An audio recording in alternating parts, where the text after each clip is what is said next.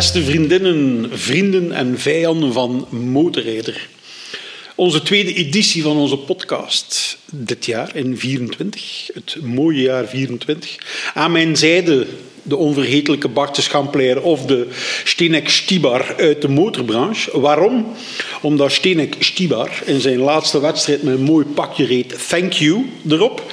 En uh, ik wil u, maar ook de redactieploeg vooral bedanken, omdat ze het oneindige geduld gehad hebben om de koopgids te maken van 250 pagina's dik, waar dat iedereen gaat kunnen dromen tot in het oneindige. Dank u. Voilà. En welgemeend trouwens. Aan mijn rechterhand hebben we vandaag uh, Jan Stevens, uh, die zich graag laat voorstellen als de guy from Honda. Welkom Jan, fijn dat je er bent. Uh, het heeft lang geduurd gezien dat we allemaal een beetje corona gepakt geweest zijn en wat uitstelgedrag hebben moeten vertonen. Uh, maar kijk, we zijn hier samen. Uh, Jan werkt ondertussen 26 jaar voor Honda. En we moeten het zeggen zoals het is. Zij zijn dit jaar marktleider in België, waarvoor proficiat. Applausje. Hartelijk bedankt. En een mooie podiumplaats in Nederland. Ja, klopt. Dan zijn we tweede schijnigd. Ja. ja, fantastisch. Ja, we zijn er zeer blij mee met dat resultaat. Uh, natuurlijk, je doet dat niet enkel om uh, ja, uh, nummer één te zijn. Dat is, dat is leuk meegenomen, hè, maar dat, dat betekent erkenning van, van, van zoveel klanten. maar ook als je ziet welke weg dat we hebben afgelegd, welke weg dat onze dealers hebben afgelegd, dat is, ja, dat is een erkenning. Ik kan, ja, ik kan dat niet anders zeggen. Mooi om tussendoor misschien al eventjes het Honda-gehalte van Jan te schetsen. Hij heeft daarnet bij het klaarzetten van de microfoons zeer vriendelijk verzocht of hij toch de rode microfoon mocht, hadden, mocht hebben, omdat dat nu eenmaal het Honda-kleur is. Ja, maar misschien, wel zeggen, misschien wel zeggen dat ik de keuze had tussen een groene, een blauwe en een rode. Ja, de keuze was snel gemaakt. Ja, dat lijkt me obvious. Maar goed, voordat we dieper ingaan uh, op hoe Honda werkt of hoe dat sommige dingen in elkaar zitten. De Actua Bart, wat is er zo wat als nieuwigheid op ons taloor gevallen? Bord in het Nederlands? Um, zullen we beginnen met de hele grote uh, bakken. Dat is een beetje slecht uitgedrukt, de hele grote machines. Harley heeft vorige week nog zijn 2024 nieuws bekendgemaakt. Harley traditiegetrouw altijd een van de laatsten eigenlijk om met de grote nieuwigheden op de proppen te komen, wat ons ook iedere keer weer kopbrekens bezorgt bij het samenstellen van de koopgids. Eh, klassiekers zijn er om te respecteren. Uh, de grootste nieuwigheden, de Road Glide en de Street Glide, die uh, worden opgefrist, vernieuwd met grotere blokken, CVO-versies en alles wat erbij hoort. De CVO Road Glide ST heeft uh, dit jaar 121 cubic inch blok, 127 pk Sava. 193 newtonmeter koppel. Wauw. Daarmee kun je al een keer een kassei uit de straat trekken, zoals wij dat omschrijven. Dus dat vind ik wel uh, geweldig.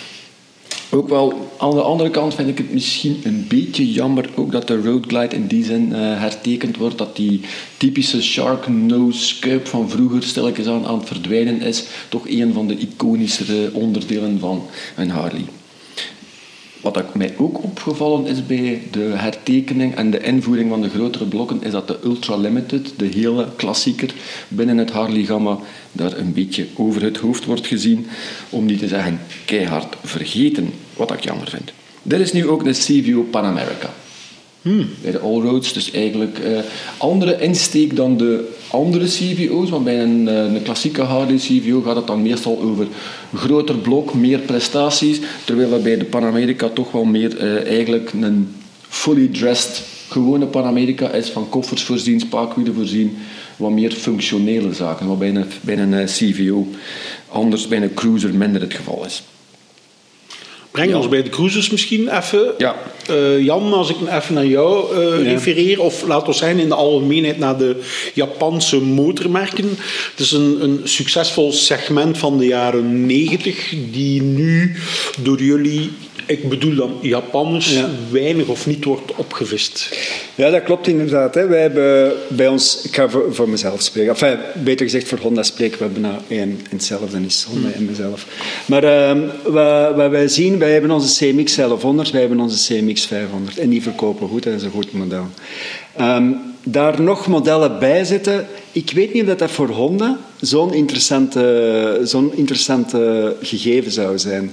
Wij hebben, we hebben het er net ook al uh, even kort over gehad in de, in de voorbeschouwing, we hebben uh, 37 verschillende modellen in ons, uh, in ons gamma. Ja, Daar dan nog eens wat modellen bij zitten waar, waarvan dat je weet dat dat slechts een klein gedeelte van de markt kan bedienen.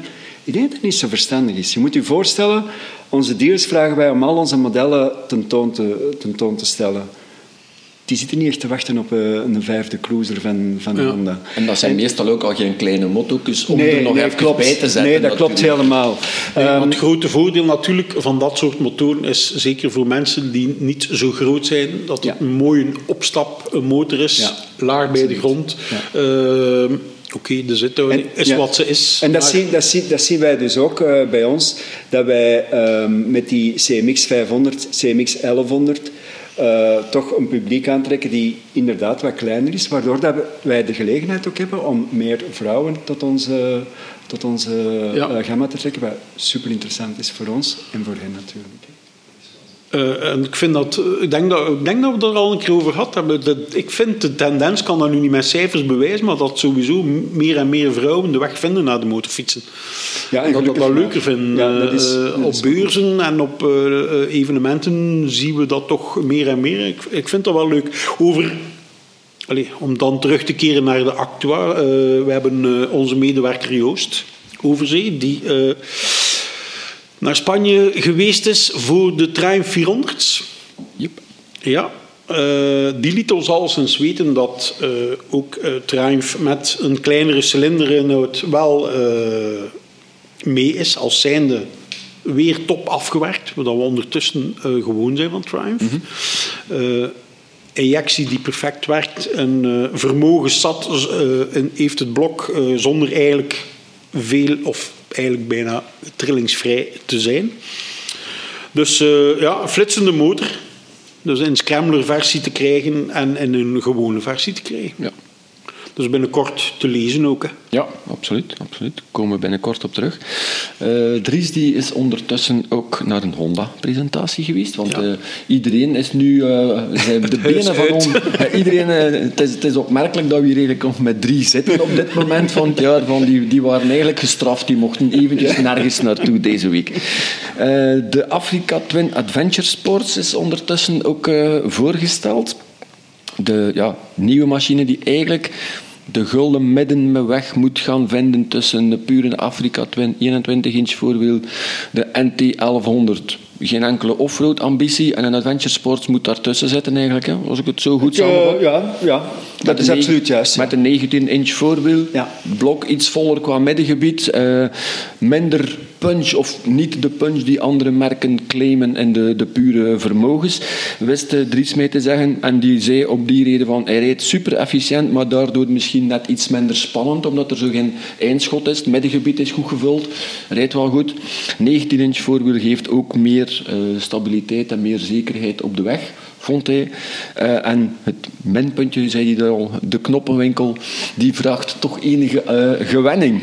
Wel, het, ik kan daar als ervaren Afrika Twin-rijder wel misschien even op, op antwoorden. Ik heb een gewoon Afrika Twin, geen Adventure Sport. maar dat is dezelfde knoppenwinkel zoals jij dat omschrijft. En dat word je gewoon. Hè? Dus jullie zijn journalisten en ik begrijp dat ook. Hè? Jullie hebben korte tijd om jullie in te werken in die motor en dat, dat vraagt enige gewinning. Als je er een tijdje mee rijdt, uh, dan, dan denk je er eigenlijk niet meer bij na. Dus dan is dat, dat is misschien een nadeel in het begin om er dan uh, gewoon te geraken, maar dan ben je, snel, ben je eigenlijk snel mee weg. Ja. Um, maar wat je zegt van adventure sport, dat die meer op, um, op uh, gewone touring is gericht, ik geef je er volledig gelijk in. En die 19 inch voorwiel, dat helpt daar zeker bij. Ook DCT is bijgesteld, dus dat zal hij ook misschien wel gemerkt hebben. Dat zal misschien uh, ook wat te sprake komen in het artikel. Um, dus ja, hij is... Hij is verbeterd, dat kunnen we wel zeker zeggen. En dat zien we dan ook aan de reactie. De eerste reacties die we krijgen van, van klanten, van de bestellingen. Die Adventure Sport, dat gaat goed komen. Ja. Ja. En zo nooit geen spijt dat je meegegaan bent in, laten we zeggen, de PK-wedloop in de trailmotoren. Uiteindelijk hadden jullie in de crosstouren een mooie V4 uh, onderhangen, uh, waar we zelf ook fan van zijn. Hè. Ja. Uh, ja. Waarom is dat de keuze van? Er zijn verschillende dingen die dat ermee spelen. Hè. Op een gegeven ogenblik, weer naar die modellenpolitiek, dan, dan ga je zien van, oké, is hier nog uh, toekomst in voor Honda. En dat betekent dat je een nieuw blok zult moeten ontwikkelen. Want dat oude blok, dat ging niet meer uh, voor de Euro 5-normen die eraan ah, kwamen. Ja, ja. Dat en hebben dus we ook nog altijd. ja, dus ja, dat is dan wel een, uh, iets waar je economisch ook moet naar kijken. Gaan we er voldoende van kunnen verkopen? Gaan we, gaan we er een, een voldoende groot publiek voor aantrekken? En als je dan ziet dat je zowel die Afrika Twin moet onderhouden, die toch een goede ja, basis heeft, een fanbasis heeft opgebouwd in al die jaren. En tegelijkertijd die cross tour, ja, dat wordt echt moeilijk. Dat wordt echt bijna niet meer te doen. En dan, uh, ja, dan wordt er geopteerd voor, oké, we trekken voluit de kaart voor de Afrika Twin. Iets wil ik daar nog wel van zeggen eigenlijk. Want ik zie ook ochtends, hè, als ik in de, in de auto zit, als ik dus niet met de motto naar het werk ga, met de auto naar het werk ga, dan sta ik ook in de file rond Antwerpen. En dan, uh, dan zie je de GS'en voorbij komen. Maar die geesten die rijden er tegen 50 km per uur voorbij. Die pakken niet een vol vermogen. En de meeste van die motoren worden ook wel zo gebruikt om, om gewoon werkverkeer mee te maken en dan de sporadische uh, rit, uh, korte rijden, zo korte trip uh, of, iets te doen. Of dat je dan die 145 pk altijd nodig hebt, persoonlijk durf ik dat te betwijfelen en kan die Afrika Twin met zijn 102 pk eigenlijk wel best mee. Dus ja, goed, het is natuurlijk een gekleurde visie van mij, dat, dat besef ik ook. Roodgekleurd, roodgekleurde visie. Maar eh, ja, zo, zo zien wij de zaken eigenlijk. Maar dat, dat 1200cc V4-blok heeft dan eigenlijk niet zo heel lang meegegaan. Hè? Want het is geïntroduceerd in de VFR 1200. Dan is de, dan, dat was de eerste keer, dat was ook de eerste met DCT trouwens. Ja, als ik het helemaal ja, En, Want dat was een totaal nieuw platform. De VFR kwam terug, de V4 kwam terug, er was DCT werd heel veel over, was heel veel over te doen. Dan is een crosstourer daarop gebaseerd op dat blok. Uiteindelijk hebben die, denk ik, tien jaar, zal het maximum ja, dat, dat, dat, klopt inderdaad. Wat vrij, uiteindelijk ja. een vrij korte, korte levenslijn is in motorland. Dat is, dat, ja, daar kan ik u alleen maar gelijk in geven. Ja. Er zullen een, een aantal mensen bij, bij Honda goed gevloekt hebben toen ze hebben doorgaat. Ja, dat is ongetwijfeld zo. Sometimes you win, sometimes you lose. Misschien wel. Ja. Wel, daar, maar we hebben er toch een fanbasis weer mee. Want, want je ziet die motor op de tweedehandsmarkt nog echt als een, uh, een zeer gegeerde motor. Dus uh, dat opzicht is toch wel mooi. In hoeverre hebben wij als. Want ik kan me inbeelden dat Honda op zijn thuismarkten of op zijn Aziatische markten uh, hoge cijfers scoren met lage cilinderinhouden. Ja, en, en oneerbiedig gezegd de, de massaproductie voor de lokale bevolking die dat dan echt gebruikt als vervoersmiddel. Uh, in hoeverre hebben wij, ja, ik denk als Benelux niet echt, maar als Honda Europe, in hoeverre hebben jullie invloed op een modellenpolitiek? Ja, je zou er nog van verschieten of van versteld staan um, hoeveel invloed dat wij hebben. En er zijn een aantal aspecten die, die, die meespelen. Kijk, in totaal produceert Honda ongeveer een 17 miljoen motoren per jaar. Wow. Dus dat is wel aanzienlijk. Hè? En we zijn er daarmee de grootste motorfabrikant ter wereld. Maar dat is, dat uh, geweten. De rest volgt op uh, respectabele uh, afstand. Maar in die zware motoren, wat wij de funmarkt noemen, dat speelt zich eigenlijk voornamelijk in Europa af. Als we het hebben over allroads, als we het hebben over nakeds, dat is Europa. Dan, dan, kijkt Japan ook naar Europa. Dan komen ze ook op studiereis, zo gezegd, naar Europa. We hebben zoiets wat we Genba noemen. En dat is go to the actual place. Dus dan worden de ingenieurs uitgenodigd naar Europa en dan moeten ze hier komen onderzoeken. Dus er wordt echt wel uh, gekeken wat doen de uh, Ducatis van deze wereld, wat doen de BMW's eh, van deze wereld. Dat is één zaak. En dan ook, wat vraagt de klant eigenlijk? Hè? Want het is niet omdat een aantal merken bepaalde zaken doen, dat dat ook de trend is in de markt. Dus daar gaan we dan ook nog eens naar kijken. En zo komen wij toch tot een line-up die echt Europees getint is ook. Als je, als je kijkt, Africa Twin is een, is een motor voor, voor, de, voor de Europese markt. Transalp is een motor voor de Europese Hornet ook uiteindelijk. Hornet is een echt een product voor Europa. Uh, SH150, als je het... Uh, SH125, dat is ook een product voor enkel en alleen voor Europa. En dan hebben wij um, binnen Honda een uh, cel en wij noemen dat uh, Product Committee. Dat komt uh, ene keer om de zoveel, ik denk ene keer per maand samen. Daar zit ook een vertegenwoordiger in van Honda Benelux.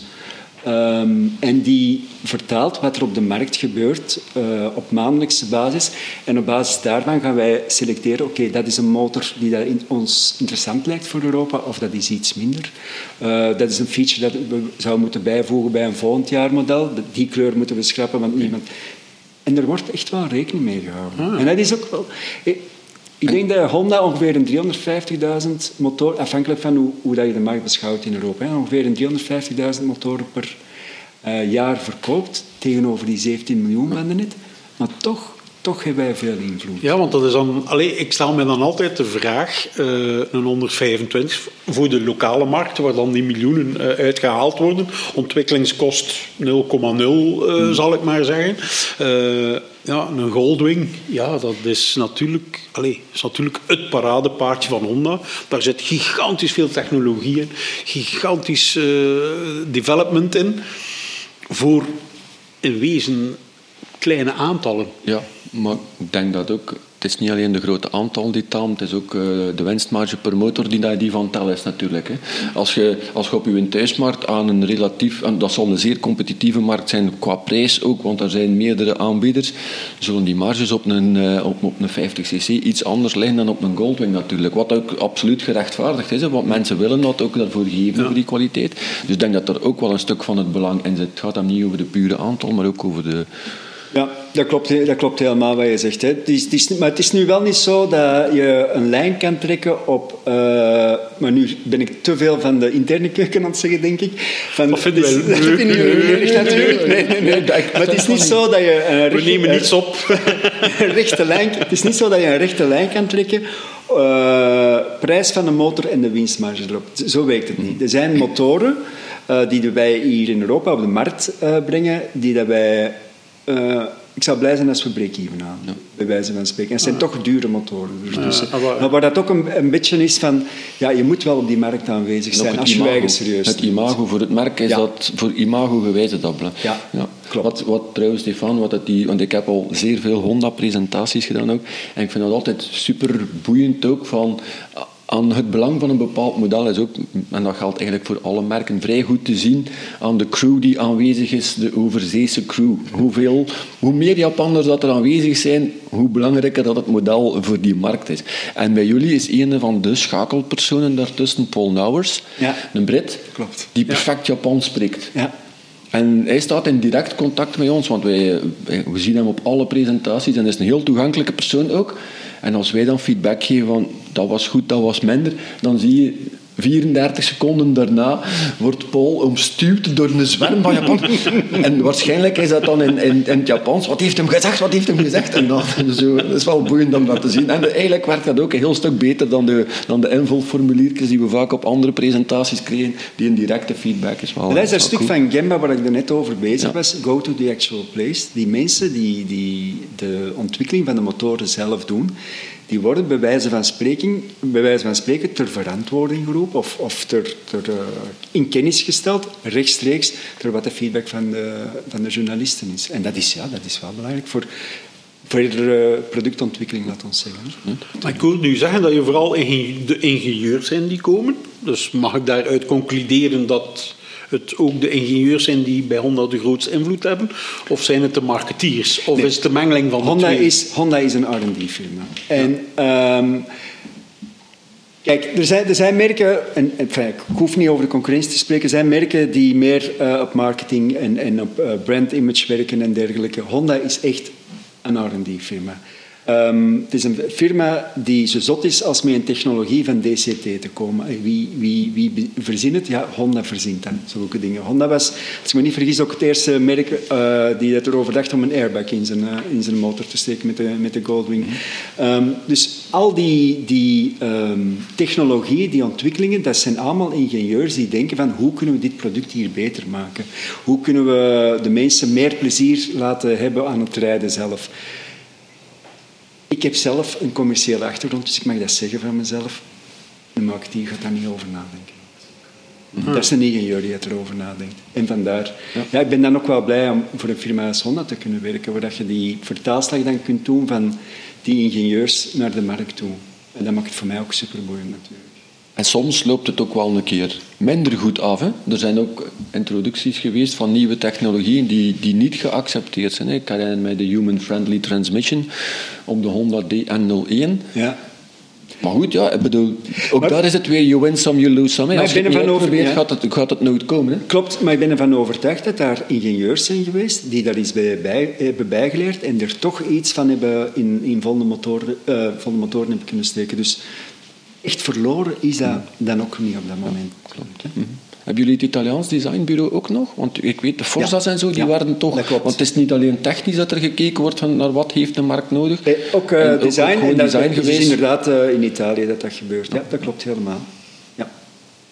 Wel, technisch gezien dan, ja, hoe, hoe, hoe gaat het dan het DCT en e-clutch verhaal proberen in de markt zetten?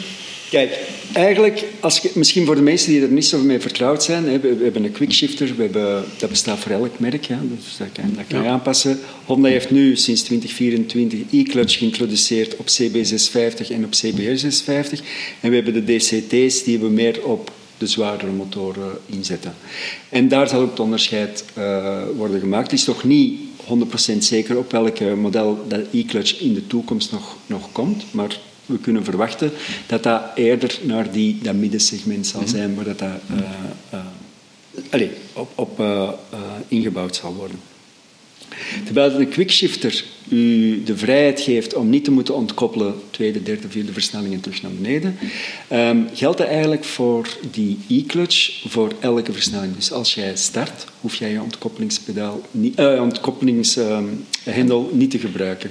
Dus aan een rood licht, jij komt aan aan het rood licht, jij schakelt gewoon terug naar eerste met met je pedaal, maar jij hoeft niet te ontkoppelen voor terug te vertrekken. En dat kan een quickshifter vanzelfsprekend niet doen. Nee. Maar je hebt nog altijd wel die manuele aansturing van nu wil ik in deze versnelling zitten.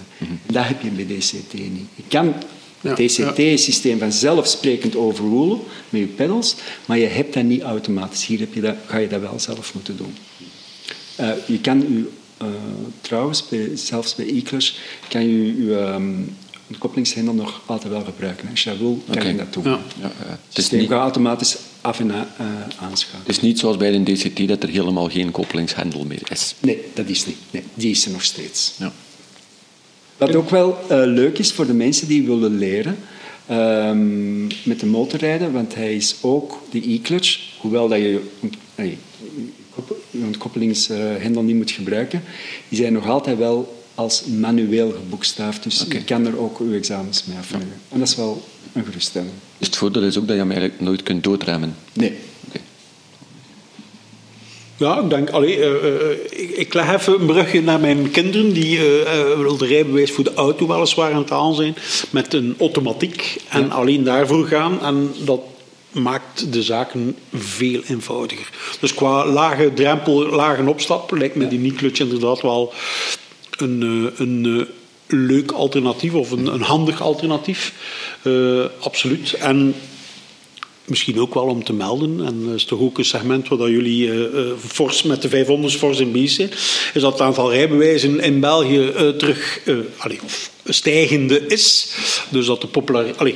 Mogen we dan besluiten dat de populariteit van de motorfiets terug wat in de lift zit bij de jongeren? Of is dat misschien wishful thinking? Ik, ik, zou het, ik zou het samen met jou willen hopen. Ik weet het niet, eerlijk gezegd. En eh, de reden waarom ik dat zeg is, eh, we zien het aantal rijbewijzen inderdaad gestaag stijgen. We zien ook eh, toch het aantal registraties een beetje stijgen in, in België. Ik denk 3% of zoiets Ja, vorig ja, jaar. 2,9, ja. Ja, dat zijn gestegen. Ehm, maar de gemiddelde leeftijd van de motorrijder blijft... maar- Zoals ons, jong Zoals en ons. geweldig. Maar nu komen we in zo'n zeer tricky gebied. Wat gaan we omschrijven als jong en oud? Ja, ja moeilijk. Oké, maar, het is de echte, nee, maar het is de echte jongeren die... eh, ja, die moeten we wel op die, die motorfiets gaan, of die zouden graag eh, ja, deel laten uitmaken van onze passie, toch? Hè? En, eh, en dat, dat zien we niet altijd gebeuren. Nu, om die jongeren, als die hun rijbewijs halen, direct op... Ik ga bij, onszelf blijven, hè, op een Afrika Twin te droppen, is misschien niet het verstandigste idee dat je kan hebben. Want dat is toch... ja, een, een iets zwaardere machine. En als je daar dan in de stad met naar je vrienden rijdt, ja, je, kan handigere dingen voorstellen. En dan zien we naar die 500 cc's als een zeer goed alternatief uh, voor die jongeren aan te trekken. En vandaar, bij ons is er wel wat focus op die 500 cc. We hebben onze uh, CB500F herdoopt naar CB500 Hornet. We hebben CB500X herdoopt naar NX500.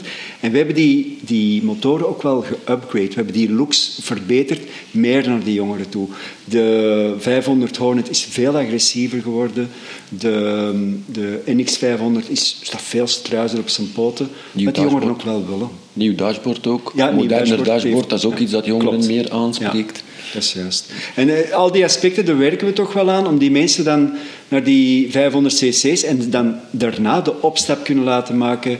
Een, een Hornet 750 Transalp, Afrika Twin uiteindelijk. En dan is dat een normale stroom.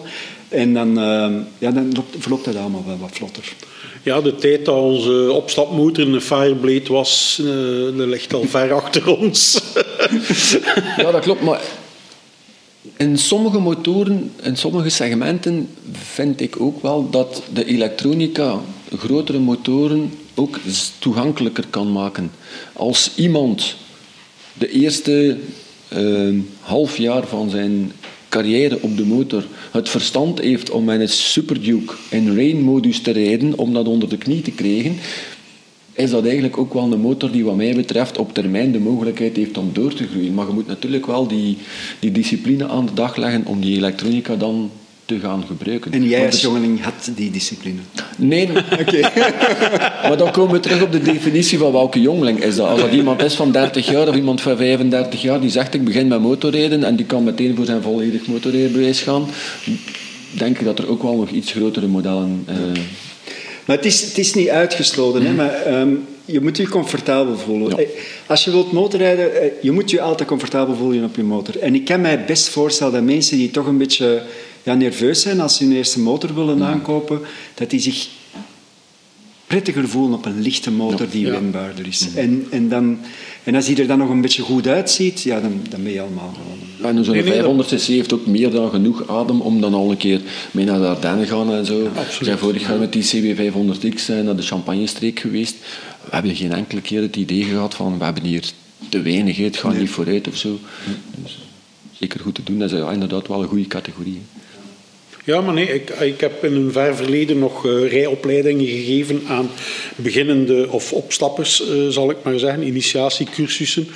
En bij mij was dat ook een beetje het devies dat ik meegaf aan de mensen van kijk, zorg dat je niet geïntimideerd bent door je eerste motorfiets. Je moet er eigenlijk opstappen en het gevoel hebben van dit kan ik. Ja. Op een veilige manier. Op een veilige manier. Had er natuurlijk die ook op een Blackbird stapte met het idee dat kan ik. Uh, maar dat niet altijd uh, het geval was. Maar goed, um, over ja, Blackbirds, Fireblade is allemaal iconische Honda's eigenlijk van de jaren 90. Komen ze toch wel met een CBR 600 RR op ja. Eikma. Ja, we hebben ons net door de, door de koopgids uh, geworsteld. En ik denk, de, ja, het was al jaren de trend bezig. Meer naked bikes, meer allroads. Dat waren de segmenten waar dat de nieuwigheden geïntroduceerd worden. Ik denk dat nu procentueel gezien het grootste aantal nieuwigheden in de koopgids en uh, bij de sportmotoren zitten. Ja, ja, wel. We hebben het al gehad over de ZX-reeksen uh, van Kawasaki. We hebben, R6 is die... Nee, die zal nog altijd te krijgen zijn, maar niet voor op de weg. Ja. Eh, de Morinis, als die, die zullen ook wel eens komen. En dan gewoon een CBR 600 RR, fantastisch. En want uh, in de koopgids hebben we een overzicht van onze eigen keuzes met een budget van 60.000 euro. En waar ik uh, enorm mee aan het wringen was, omdat ik natuurlijk uh, met de keuze van een of andere vreemde BMW R1300 GS al een pak budget kwijt was. Zegt mij niks. Ja. en eigenlijk... ik heb er ook een Enduro Husqvarna 350 TE mijn keuze gezet. Maar die kost dus wel even meer dan die CBR 600. Ongelooflijk. Ik dacht uh, eh, 11.800, zoiets in die trend. Voor een motorfiets en plus, dat uh, in mijn jonge jaren, hè, daar zijn we weer. Alle rappe jongens in het dorp met een CBR 600. Ja. Ik ben er altijd jaloers op. Hm? En je niet met een Husqvarna. Jan, hoe heb je de dag geflikkerd? Wij hebben dat uh, gezamenlijk geflikt als uh, Europa. Ik heb net gezegd van dat productcomité en dergelijke, dat, dat je dus als Europa toch wel wat invloed hebt op wat er naar je land komt. En um, Eigenlijk, die motor die werd geïntroduceerd in uh, Japan en de mensen hebben dat opgepikt in de social media. En wij kregen enorm veel vragen van eindklanten. Waarom brengen die eigenlijk niet naar Europa, die, die motor? wij zijn die vragen beginnen door te spelen naar ons hoofdkantoor in Europa. En we hebben gezegd, wij willen die eigenlijk. Maar dan moet er voldoende kritische massa zijn om die te kunnen homologeren ook voor Europa. Dus er moet wel wat volume zijn. En als je dan uh, op een moment komt dat je die uh, motor kan uh, herintroduceren, eigenlijk, want dat is wat we doen, herintroduceren in Europa. Louter en alleen omwille van dat er zoveel fans zijn dat die motor willen, willen aankopen, ja, dat is, dat is geweldig natuurlijk. Hè? Want je weet dat als je die motor brengt, dat die gaat geapprecieerd worden door zijn eindklanten. Dus dat is er een beetje met die CBR 600 uh, gebeurd. Wat bijkomend natuurlijk ook wel heel sterk is, is dat we als we piloten opleiden, NSF Cup bijvoorbeeld van uh, Arimola in mhm. Nederland, ja. Maar ja, dan springt hij ineens aan de Fireblade. Dat is nog een behoorlijke sprong natuurlijk. Ja, en nu heb je er een model dat er mooi met die 600 mooi tussen zit. Dus ook daar naar wedstrijden toe zal dat ook uh, ja, heel veel uh, leuke momenten voor ons brengen. Ja, Bart. Goed. Ja, zeg maar uw feelings about de uh, CBR. Uh, ja, nee, ik vind het is sowieso een iconisch model, absoluut. Maar ik ben minder ben, ben altijd minder circuitman geweest. geweest. Ja, dat klopt. Ik, ja, ja. ik, herinner mij, uh, na twee rondjes heb je de weg wel gevonden. Oh, het is en een andere route Ik ben, ben meer een toerrijder, effectief. Als ik zes, zes rondjes op circuit gereden heb, dan denk ik, oh, die bocht ben hier al zes keer geweest. Van, ik ga nu iets anders gaan doen.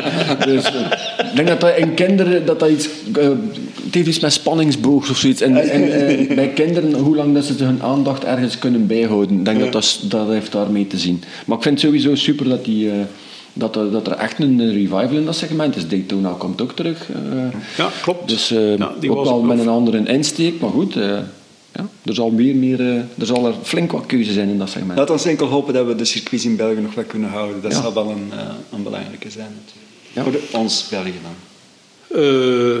ja, absoluut. Ja, op motocross hebben we het verloren. Zo simpel is het. waar dat we, um, ja, daar hebben we het verloren. Jammer, uh, jammer, heel jammer. We waren toppers in, in de sport. Uh, ja. ja. Maar het is niet aan te doen. Maar en misschien is dat wel een brugje, want, want jullie gaan blijkbaar 3,4 miljard dollar gaan investeren in elektrificatie.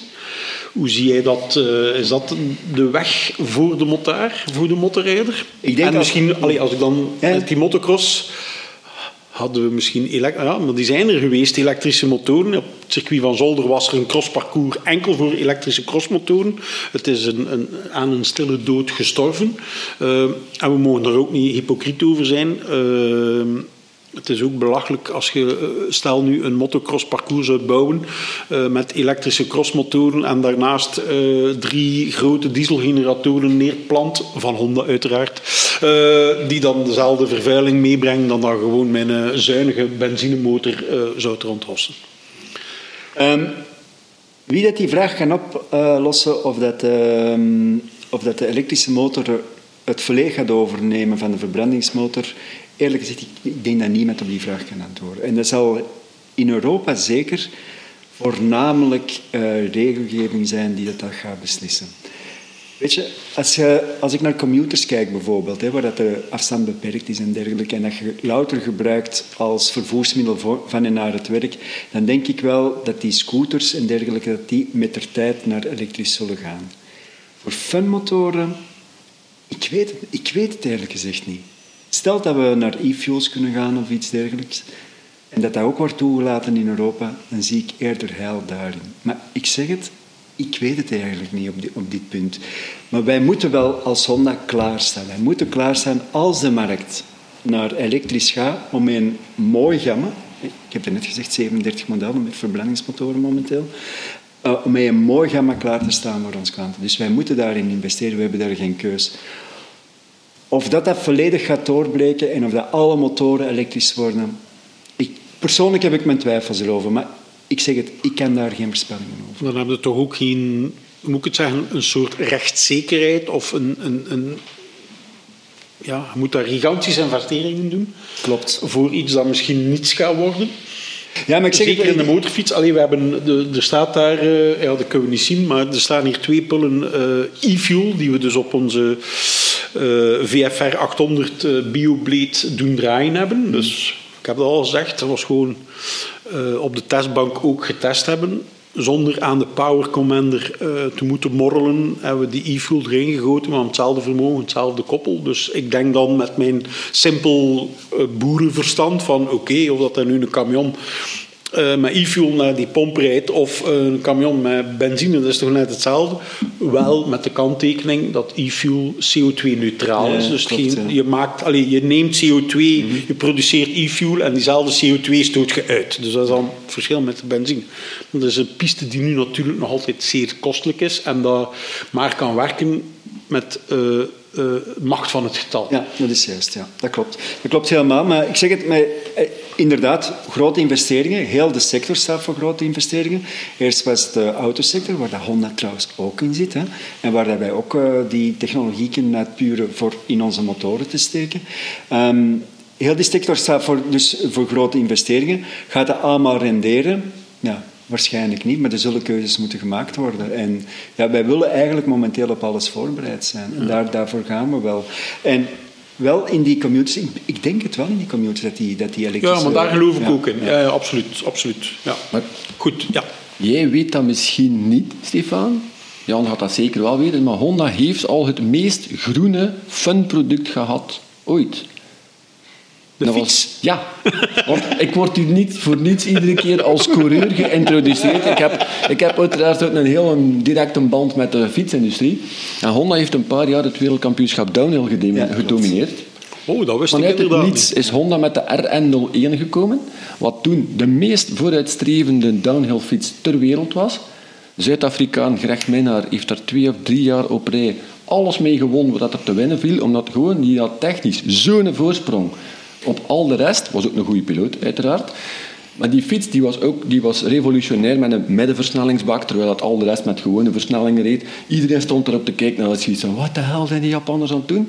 Twee jaar daarna had de rest, de concurrentie, min of meer alles afgekeken en bijgebeend en zei Honda van, voor ons volstaat dit, is goed.